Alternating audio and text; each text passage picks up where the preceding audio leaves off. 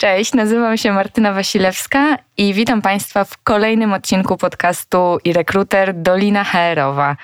Temat dzisiejszej rozmowy to HR Tech, mocne doładowanie dla biznesu, czyli jak inwestować w narzędzia, automatyzację, systemy wspierające pracę działów HR, aby one ostatecznie zdały egzamin przed działem prawnym, działem IT, zarządem, dyrektorem finansowym, no i potem de facto wszystkimi pracownikami, którzy będą korzystać z tego narzędzia.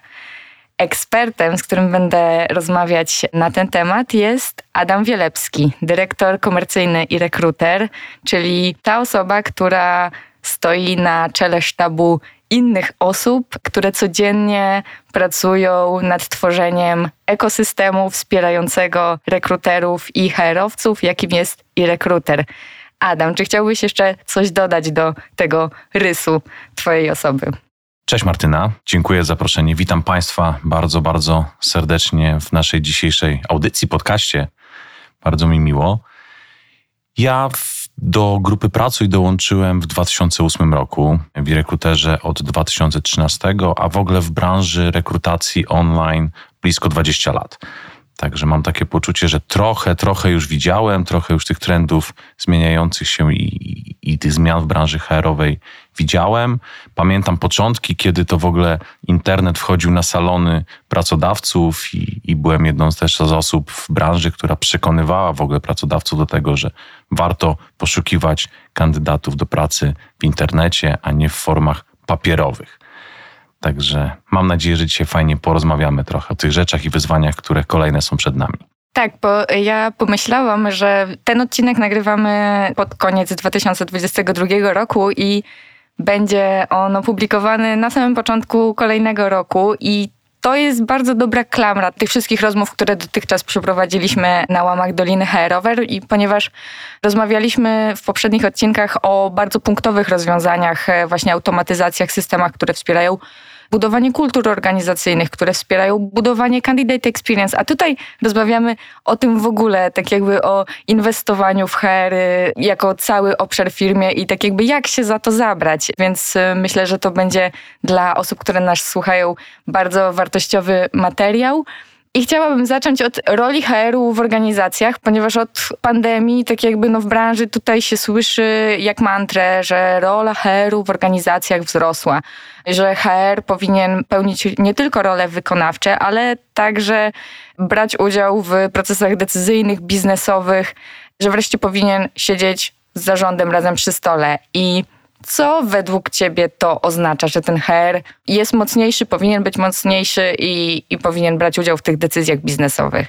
Ja pewnie bym powiedział tak, że to nie jest do końca tak, że przez pandemię rola HR-u wzrosła, bo ona zawsze była ważna. Gdyby nie była ważna, to ta rola, rola HR-u ograniczyłaby się tylko do kwestii kadrowych, a wiemy, że tak nie jest. Natomiast na pewno przez pandemię też trochę wzrosła bo biznes w momencie, kiedy pandemia się pojawiła na rynku, naprawdę nie wiedział, co zrobić z ludźmi, jak się zachować, jak zarządzić komunikacją wewnątrz organizacji, jak w ogóle przestawić się na pracę zdalną. Wiele firm wiemy, że musiało z dnia na dzień w 100% przestawić się na online, tak? Jak wdrożyć narzędzia, które miały to wspierać w codziennej pracy. W tym całym chaosie firmy zwróciły się do HR-u po podpowiedź, poradę, jak tym wszystkim zarządzić i HR stał się taką na pierwszej linii frontu stanął, stanął w tych czasach pandemicznych. Głównym e, celem HR-u stało się przede wszystkim takie przeprojektowanie miejsca pracy z typowo offline'owego na online'owy bądź, e, bądź hybrydowy i to zmusiło też, czy, czy zmobilizowało działy HR do, do przeprojektowania tych doświadczeń zawodowych pracowników i takiej cyfryzacji też, tak, digitalizacji różnych, różnych rzeczy. Więc takie krytyczne, moim zdaniem, wnioski wynikające z pandemii to znaczenie komunikacji w organizacji i to, jak liderów przestawić na to, w jaki sposób mają pracować ze swoimi zespołami. Także ta, ta rzeczywistość mocno zmieniła HR i musimy też pamiętać o tym, że w tych czasach pandemicznych no, pracownicy mocno obawiają się o swoje zdrowie, o zdrowie psychiczne swoich rodzin, o bezpieczeństwo. Liderzy również są zaniepokojeni tym, w jaki sposób y, zarządzać firmami, zarządzać zespołami w dobie takiego ciągłego chaosu i ciągłych, ciągłych zmian. Dlatego pewnie tutaj bym powiedział, że takim ważnym aspektem jest taki miękki, empatyczny styl zarządzania.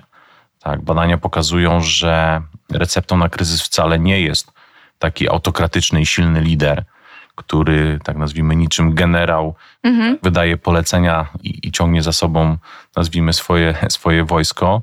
Natomiast według opinii szefów wielu firm aktualnie i menadżerów zarządzających, ważnym aspektem jest właśnie ten taki styl trochę demokratyczny, sposób kierowania, dawania pracownikom możliwości większego wpływu na to, co robią na co dzień, udziału w projektach, współpodejmowaniu ważnych, ważnych decyzji. To buduje właśnie takie zaufanie, porozumienie z powodwładnymi i, i pracownicy mają większą, większą samodzielność. Czyli powiedziałbyś, że współczucie pracownikom, tak? Że to współodczuwanie z pracownikami to, to jest jakiś taki kierunek, w którym e, powinni iść menadżerowie, czy jakoś inaczej? Wiesz co, ja bym chyba oddzielił to, to współczucie od, od empatii, bo pewnie można to podać na takim przykładzie.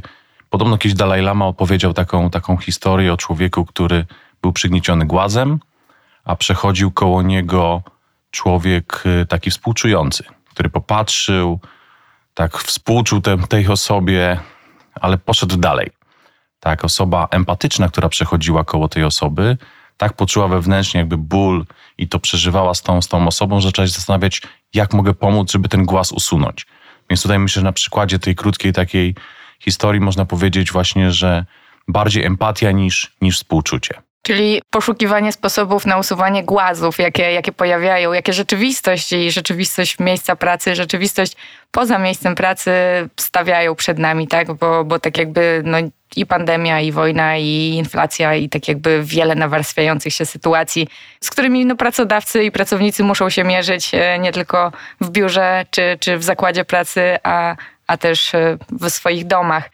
A Jakie obszary HR-u byś wymienił jako strategiczne dla, dla firm, dla organizacji? Jest ich na pewno kilka i one dają właśnie HR-owi możliwość pozostania dłużej przy zarządach, przy menadżerach, przy kadrze zarządzającej, przy biznesie, bo, bo jest to taka niepowtarzalna okazja, żeby kontynuować te strategiczne projekty, a w moim odczuciu, w moim przekonaniu, te trendy, które nadchodzą, powodują, że właśnie HR będzie mógł mocno się zaangażować w nie i pomóc czy wspomóc biznes w zrozumieniu lepszym tego, co się będzie działo w przyszłości.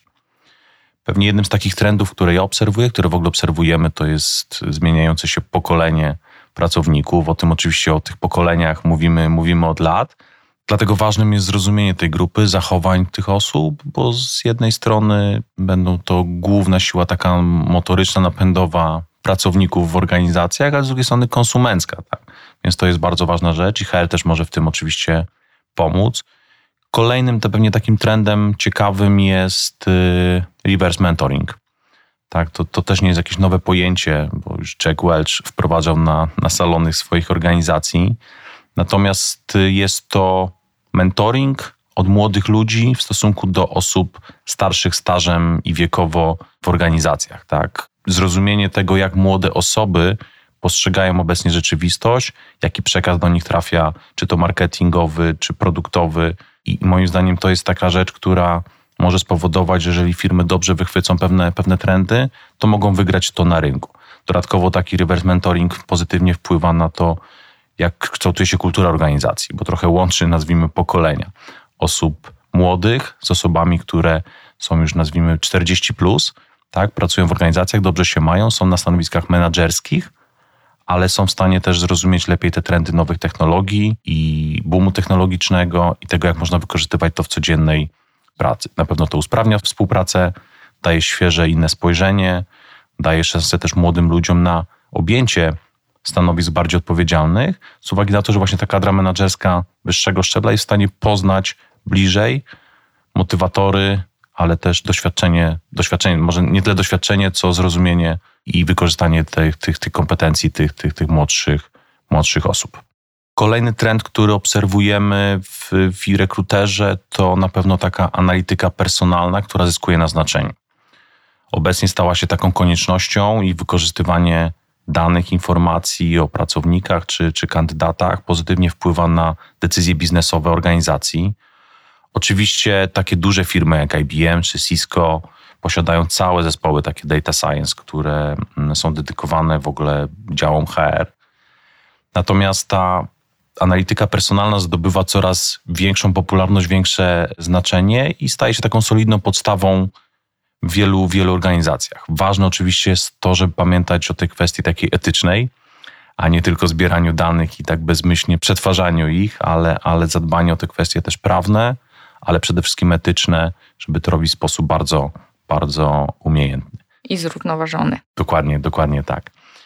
Wiemy o tym, że rośnie mobilność y, talentów. Tak, COVID y, przyniósł nam totalnie zglobalizowaną siłę, siłę roboczą, że tak, jeżeli można tak, tak, to, tak to nazwać. Oznacza zarówno to dla wielu organizacji nowe wyzwania, ale też nowe możliwości, bo teraz zatrudnienie osób z innego miejsca kraju czy spoza w ogóle granic kraju tak daje naprawdę, naprawdę ogromne możliwości. I te międzynarodowe też firmy muszą alokować tak talenty i zasoby na całym świecie, żeby to efektywnie, efektywnie wykorzystać. Tak? I też przychodzą tutaj z pomocą też znowuż narzędzia technologiczne, o których za chwilę pewnie, pewnie więcej, więcej porozmawiamy, ale mamy już takie platformy, które ułatwiają na przykład zatrudnienie pracowników za granicą, gdzie można zatrudnić każdego pracownika w nowym kraju w ciągu kilku minut i zautomatyzować onboarding, payroll czy compliance, nie martwiąc się o lokalne, o lokalne prawo. Przykładem takiej platformy jest deal.com i tam możemy w sposób taki łatwy, szybki, sprawny zatrudnić, zatrudnić pracownika za granicą. Doświadczenia e-commerce'owe, wręcz właśnie przeniesione na grunty rekrutacji. W zasadzie w, w obrębie jednej platformy sobie w łatwy sposób załatwisz wszystkie procesy, które muszą się odbyć i są długotrwałe.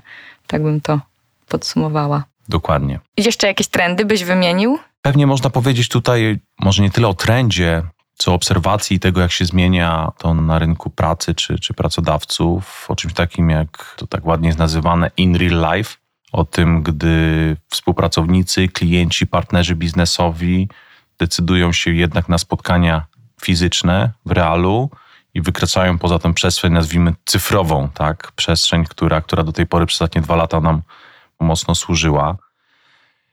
To jest ważny aspekt. W czasach tych pandemicznych w 2022 roku Gallup w ogóle zrobił takie, takie badanie, które pokazało, że o ponad 80% spadło zaangażowanie pracowników. Przez właśnie obawa, strach przed jutrem, przed tym, co się będzie działo. I jak patrzymy sobie w ogóle na, na ten trend trochę powrotu do biura, oczywiście on jest bardzo taki trudny i też kontrowersyjny, zależy z której strony na to patrzymy. Natomiast z kolei Amerykanie, którzy lubią dużo, dużo rzeczy badać, ja tak trochę przytaczam dzisiaj i będę przytaczał trochę danych liczbowych, ale miałem taką przyjemność y, być y, we wrześniu minionego roku, czyli 2022, na konferencji pod, pod San Francisco, y, organizowanej przez taką organizację, firmę SaaSTR. Ponad 10 tysięcy uczestników konferencji, top firmy SaaS z całego świata. Firmy sasowe, w ogóle co to jest za określenie, bo pewnie może nasi niektórzy, niektórzy słuchacze mogą, mogą nie wiedzieć, jest to oprogramowanie jako usługa, czyli jest to model udostępniania oprogramowania w chmurze, gdzie dostawca oferuje aplikację i utrzymuje, rozwija ją, a dostęp do niej jest za pomocą internetu. Jest dużo firm skupionych y, wokół SaaSów i tam sporo mówiło się właśnie o tym trendzie powracającym pracowników do pracy. Taka firma Travel Perk robiła też takie badanie dość duże i prawie 80% pracowników chce wracać do eventów firmowych. Ponad 60% y, pracowników chce jednak pracować w biurze 1-2 dni w tygodniu, czyli w takim modelu hybrydowym. Ponad 74% y, właśnie pokolenia Z y, pracuje efektywnie, jak ma kontakty takie fizyczne, realne, tak? Nie, nie tylko online, Zoom, Teams, Slack czy, czy tego typu rozwiązania. A z kolei, jak pamiętam, jeden z, z artykułów na Guardianie, to ponad 20% więcej pomysłów generowanych jest y, podczas fizycznych spotkań versus spotkania takie online'owe. Więc moim zdaniem jest to ważny aspekt do zaadresowania w wielu, wielu organizacjach, jak tą pracę hybrydową połączyć z, z, z, celami, z celami firmy, ale uważam też, że nie powinniśmy lekceważyć tych rzeczy. Dla mnie te właśnie te takie trendy, które obserwujemy w, w Stanach, są takimi rzeczami, które do nas niedługo, niedługo dotrą. To jest też tak, że te trendy, które są, są w Stanach, to one są tak gdzieś 12-18 miesięcy wcześniej przed tym, co się będzie działo w Europie. Jak patrzymy sobie na Azję, to, to jest to 24 miesiące, a te trendy ze Stanów do Ameryki Południowej docierają po 2,5 roku czy do trzech. Więc sporo rzeczy, sporo rzeczy przed nami. Sporo rzeczy przed nami. Tutaj właśnie przyszło mi do głowy, jak mówiłeś o tej kreatywności i, i tym, że rzeczywiście te spotkania w biurze nam dużo dają, a niekoniecznie tylko i wyłącznie zabierają czas na dojazdy do pracy, to przypomniał mi się taki artykuł a propos wyników finansowych firmy Apple, że generalnie w roku po pandemii albo w trakcie pandemii oni osiągnęli bardzo wysokie wyniki, a przy okazji ta informacja razem szła z inną informacją, że że dyrektorzy Apple chcą, żeby pracownicy wracali do biur. No i, no i się wywiązała na jednym z portali społecznościowych zażarta dyskusja, tak jakby no po co, po co, jak, jak w zasadzie firma sobie świetnie radzi. I tam pamiętam był jeden głos, y, który powiedział, że wiecie, Apple stoi na innowacji i tak jakby siedząc w czterech ścianach w swoim pokoju, jakkolwiek nie mielibyśmy dobrych monitorów i słuchawek, wciąż będziemy siedzieć tam w pojedynkę i po prostu nie będziemy czerpać z tej takiej energii grupy, która jest bardzo ważnym paliwem dla efektywności.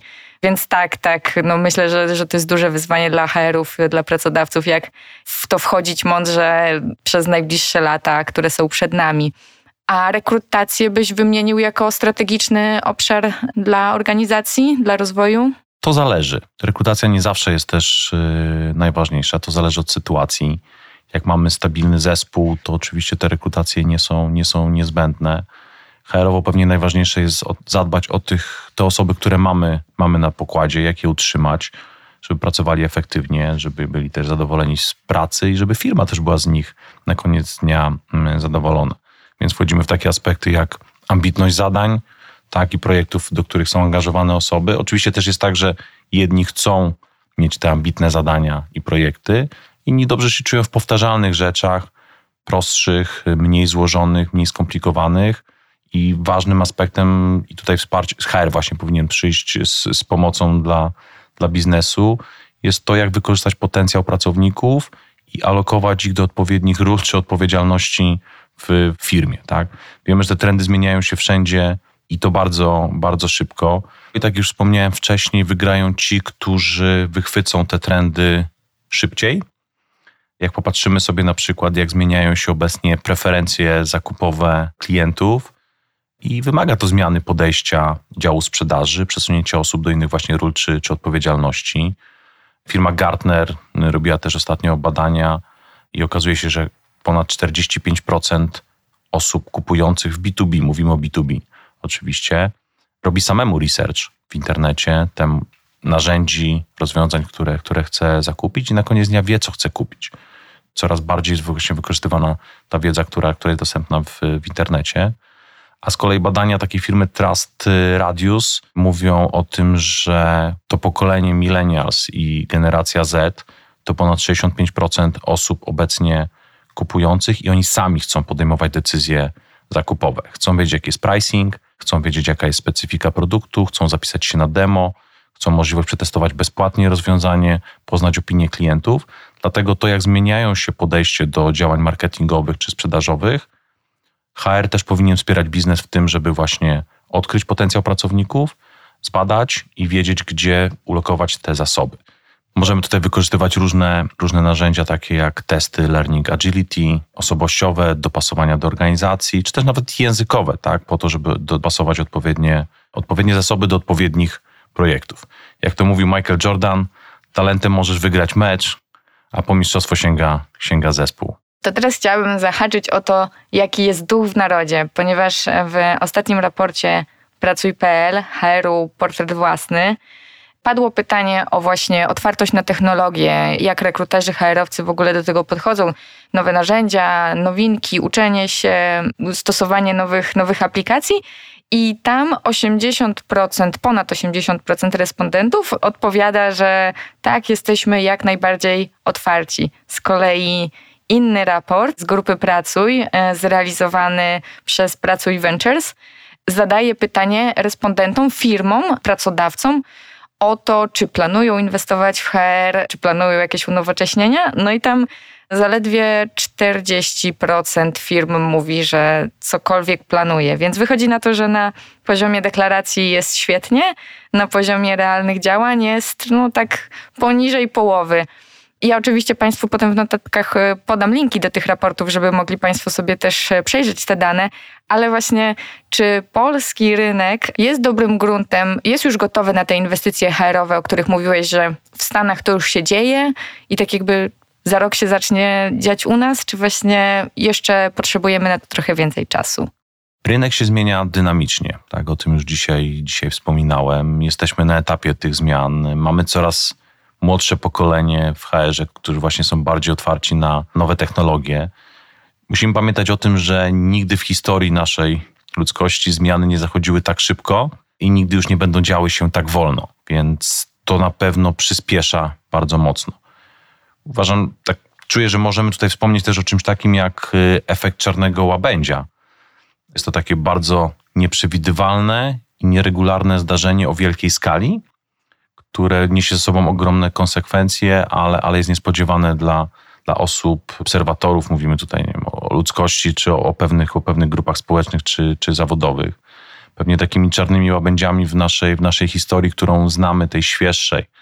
To jest 2000 rok i, i pęknięcie banki internetowej, 2001 rok, atak 11 y, września, 2008 y, rok kryzys finansowy, katastrofa 2011, jeżeli dobrze pamiętam, w Fukushimie, czy też 2020 rok, COVID, czy obecnie, obecnie wojna w, w Ukrainie. To są takie rzeczy, które przychodzą do nas bardzo niespodziewanie. Natomiast y, każdy takich czarnych łabędzi będzie więcej. I musimy pamiętać o tym, że każdy z nich stworzy nowe zagrożenie, ale też nową szansę dla nas. Właśnie COVID stworzył taką nową szansę dla HR-u.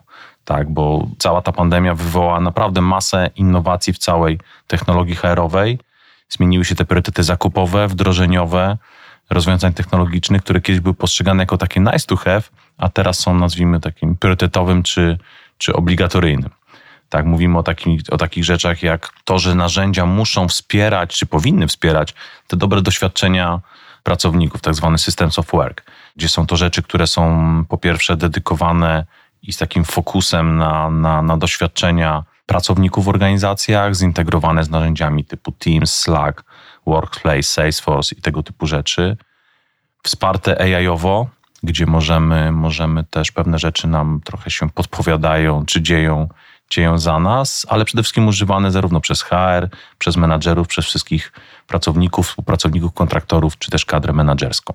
Więc mówiąc o tym, jak te technologie wkraczają, wkraczają do HR-u, to pewnie możemy mówić o kolejnym takim trendzie, jakim jest łączenie systemów w workflowy. Kiedyś, kiedyś jak mówimy sobie o w ogóle wykorzystywaniu technologii, to mieliśmy taką przed 2000 rokiem, to się tak ładnie nazywało on-premise era, gdzie, gdzie mm, oprogramowania były instalowane na, na serwerach, duże serwerownie były budowane i tak dalej. Później po roku 2000 weszliśmy w tą erę cloudową, tak, a obecnie mamy taką erę łączenia systemów w jedne ekosystemy. To nie znaczy, że musimy mieć jeden duży system, który robi za nas wszystko, ale możemy wykorzystywać wiele mniejszych narzędzi, które w umiejętny sposób połączone dają właśnie i budują tą ogromną, ogromną wartość. Już teraz jest tak, że firmy wykorzystują około 18 do 20 rozwiązań takich sasowych na co dzień w swojej pracy, a to się zmienia i jeszcze rośnie.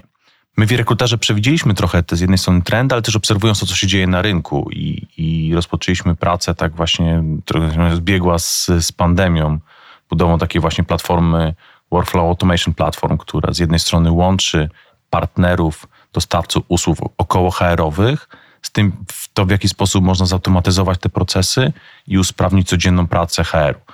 Mówimy tutaj o onboardingu pracowników. Oczywiście zaczynamy rekrutację od selekcji, zbierania CV, ale później jak już dochodzi do zatrudnienia i do onboardingu pracowników, pewne rzeczy można zautomatyzować i połączyć w jeden bardzo fajny ekosystem po to, żeby nie przepisywać danych, nie zakładać kont, nie wysyłać, nie wysyłać maili, tak, tylko żeby to się wszystko działo między systemami. Po kliknięciu przykładowo zatrudniam kandydata, coś dzieje się w tle jest zamawiany sprzęt dla, dla pracownika, szykowane są dokumenty i tego typu, tego typu rzeczy.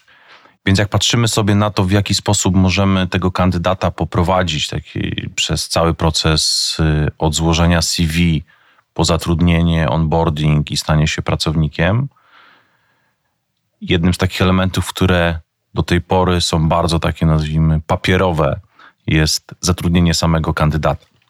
Firma Symmetrical pokazuje nam już to, że można to zdigitalizować.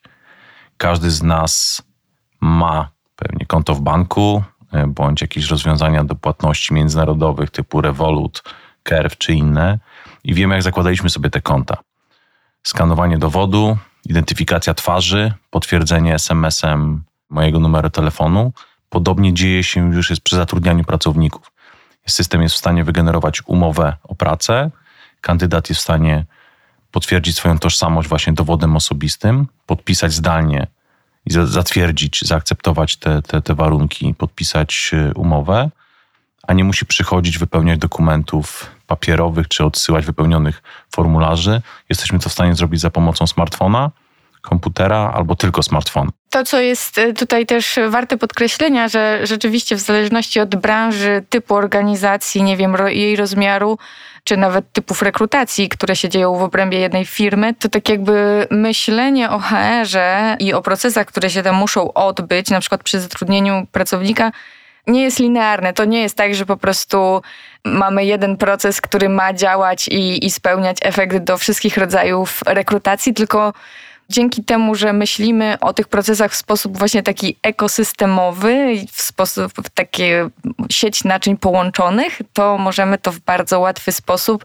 modyfikować, dostosowywać, dokładać kolejne klocki i tak, i tak jakby tworzyć kilka ścieżek e, działania, kilka takich właśnie workflowów, czy, czy, czy właśnie tych tych podróży, czy kandydata, czy nowo zatrudnionego pracownika, że generalnie właśnie w tym kierunku branża powinna iść i pewnie będzie, będzie podążać z tego, co, co tak jakby mówisz. Teraz takie pytanie mi przyszło do głowy, jak firmy mogą zabezpieczać takie inwestycje? Bo załóżmy, że jest HR, który podejmuje decyzję tak, że od tej chwili digitalizujemy rekrutację, zero papierowych CV, tak? Wszystko, wszystko mamy, czy to w chmurze, czy w systemie, czy w internecie, cokolwiek. Jak zabrać się za taki proces, żeby na przykład po roku, dwóch nie okazał się on niewypałem, który nie spełnia zadania, które obiecał pracownikom, które obiecał zarządowi, nie przynosi tych efektów? Często firmy popełniają taki błąd, że chcą odzwierciedlać procesy, które obecnie funkcjonują bo działają od kilku lat, to nam się sprawdza, to tak działamy i chcą dopasowywać czasami systemy, które, które wdrażają do tego właśnie, jak wyglądają te procesy wewnątrz, które powstały 70 lat temu. To już jest naprawdę przeszłość, historia, wręcz prehistoria. To jest taka też różnica między dużymi takimi systemami ERP versus zwinne, mądre, mniejsze, mniejsze narzędzia, w dużej mierze oparte o rozwiązania właśnie, właśnie sasowe. Ja jestem zwolennikiem otwartej komunikacji, współpracy, warsztatów, siadamy, spotykamy się z zespołem i zastanawiamy, co działa, a co nie działa w obecnych, w obecnych procesach. Czyli też tak jakby oddolne podejście do tematu, że nie, że coś idzie decyzją zarządu z góry, tylko, tylko generalnie właśnie pracownicy zaczynają od siebie wypracowywać tak jakby listę swoich potrzeb. Mi tutaj od razu przyszło do głowy to, co ostatnio padło na naszym kursie i Recruiter Lab, który jest... Yy, o nowoczesnej komunikacji w herze i, i nasza ekspertka Magda Kiefelink mówi tam e, takie zdanie, że najgorszym błędem, jaki mogą popełniać pracodawcy, firmy, jest narzucanie pracownikom czegoś, co działa od lat. A właśnie mówi, że prawdziwa magia zaczyna się dziać, kiedy siadamy z pracownikami, pozwalamy im się wypowiedzieć i na podstawie tego, co usłyszeliśmy, co oni wypracowali, zaczynamy wdrażać zmiany. I, I, myślę, że to jest e, dobre nawiązanie, że tak jakby nie tylko w komunikacji to działa, ale działa to też w HR-ze. W stu procentach się z Tobą zgadzam. HR będzie musiał w pełni przeprojektować te doświadczenia kandydatów, y, pracowników od tego offline'u do, do online'u i od online'u do offline'u z powrotem, tak? I zmierzyć się z tymi doświadczeniami, doświadczeniami, oczekiwaniami pracowników, tak? Dlatego mówimy o tym właśnie employee experience, które stało się takim, stało się projektami, które obejmują całe organizacje. Tak, to w jaki sposób, w jaki sposób mamy tym zarządzić i właśnie on nie obejmuje tylko HR-u, tak, czy IT, czy, czy prawo, finanse, bezpieczeństwo pracy, ale to jest takie kompleksowe projektowanie procesów w organizacjach. I tak jak wspomniałem wcześniej, warto usiąść, zastanowić się, pomyśleć, jakie mamy wąskie, wąskie gardła, gdzie robimy powtarzalne rzeczy, co nie działa i po prostu krok po kroku się nim zajmować. Ciężko oczekiwać innych efektów, jak będziemy robić to samo wiecznie, wiecznie tak samo. To nie zmieni się. Kolejna rzecz, która może nas w tym wszystkim wspomóc, to właśnie to, o czym wspomniałem. Wybór narzędzi, które są w stanie wesprzeć poszczególne elementy procesów HR-owych, rekrutacyjnych, onboardingowych, weryfikacji doświadczeń pracowników czy kandydatów. To jakby w różnym aspekcie można, można na to patrzeć. Ważny jest dobór odpowiednich narzędzi. Pewnie kierowałbym się tym, żeby nie wybierać jakichś totalnie może takich nowych, niesprawdzonych, bądź firm, które, które mają, nie wiem, pięciu klientów, tak, tylko żeby jednak oprzeć się na tych doświadczeniach pracodawców, którzy, którzy już zbudowali jakąś skalę działalności. Często są to też narzędzia, które wykorzystują jakieś elementy AI-owe, tak, bo AI już nie jest też taką cechą, cechą technologii HR-owej, to już taka nazwijmy trochę podstawowa technologia, która wkracza też, też na salony. I ten AI jest wykorzystywany w różnych aspektach procesów y, właśnie HR-owych, czy rekrutacyjnych, czy edukacyjnych, czy, czy performance managementu, well-beingowych, czy zarządzaniem właśnie pracownikami, czy, czy motywacją tych osób, więc o tym też warto pamiętać. Adam, a jeżeli właśnie po tej rozmowie mielibyśmy zostawić naszych słuchaczy właśnie z takimi kilkoma najważniejszymi punktami o tym właśnie HR techu i o tym inwestowaniu w rozwój HR-u, to co by to było? Już kończymy? Ojej. Mi się tak bardzo miło z tobą, z tobą, z tobą rozmawia. Tych, tych rzeczy jest naprawdę sporo. Jestem ogromnym, ogromnym fanem właśnie wykorzystywania technologii w HR-ze i wspierania rozwiązaniami systemowymi różnych aspektów naszej codziennej pracy. Sam jestem takim, nazwijmy, pewnie gadżeciarzem i, i geekiem, który wykorzystuje wiele, wiele rzeczy w swojej codziennej pracy, usprawnianiu swojej pracy. Natomiast jak myślimy w takim kontekście takich rzeczy, z którymi chciałbym, czy chcielibyśmy zostawić naszych miłych słuchaczy, to pewnie podzielimy to na takie dwa obszary. Jeden obszar to jest taki w kontekście trendów i rosnących oczekiwań od HR-u i, i tutaj bym zachęcił do tego, żeby rozmawiać z ludźmi, pracownikami, menadżerami o ich potrzebach, Pamiętajmy o tym empatycznym stylu zarządzania. Posłuchajmy tego pokolenia Z, co nam za chwilę przyniesie na, na salony. Zadbajmy o to hybrydowe środowisko pracy. Ja osobiście nie jestem zwolennikiem 100% online. Myślę, to co mamy w grupie pracy w rekruterze, czyli dwa dni w tygodniu, większość zespołów przychodzi do biura, to daje nam taką poczucie kontaktu z ludźmi, a przede wszystkim spotkania takie strategiczne, ważne organizujemy offline'owo w biurze. Więc to jest jedna taka rzecz, rozmawiajmy z ludźmi. Druga rzecz, weryfikujmy kompetencje pracowników e, po to, żeby dopasowywać i skierować ich do odpowiednich ról czy odpowiedzialności.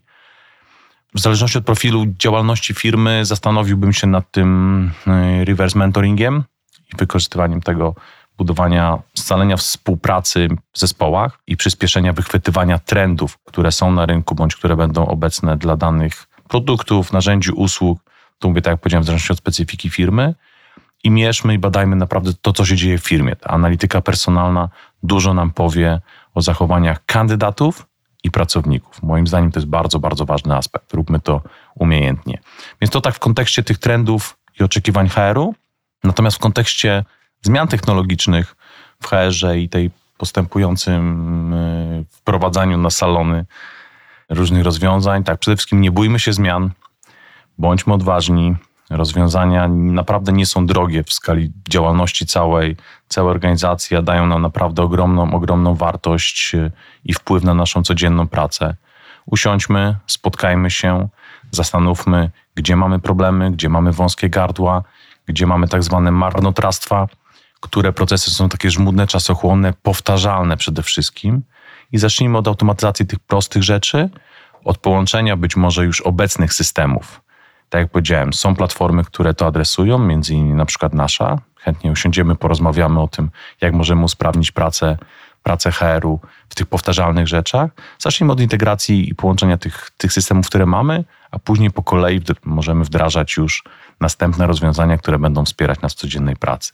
Więc tak bym podsumował naszą, naszą rozmowę dzisiejszą paradoksalnie brzmi to jak bardzo prosta recepta, bo mimo, że rozmawiamy o technologiach, do których jest zawsze przyklejona łatka bycia czymś zaawansowanym, skomplikowanym, no i wymagającym kompetencji od użytkowników, no to jednak wychodzi na to, że to wszystko zaczyna się od komunikacji, od dobrego takiego flow między pracownikami, między menadżerami, no i potem małych kroczków, tak? Tak jakby nie musimy wszystkiego naraz, na szybko, tylko po prostu wybieramy sobie z listy najważniejsze rzeczy, najbardziej palące i na nich najpierw pracujemy, a potem patrzymy, co się dzieje dalej i jak to dalej możemy rozwijać. Adam, serdecznie dziękuję za rozmowę. Dziękuję też e, Państwu po drugiej stronie i do usłyszenia w następnym odcinku. Bardzo dziękuję. Dziękuję Martyna, dziękuję naszym słuchaczom i zapraszam do słuchania naszych kolejnych podcastów.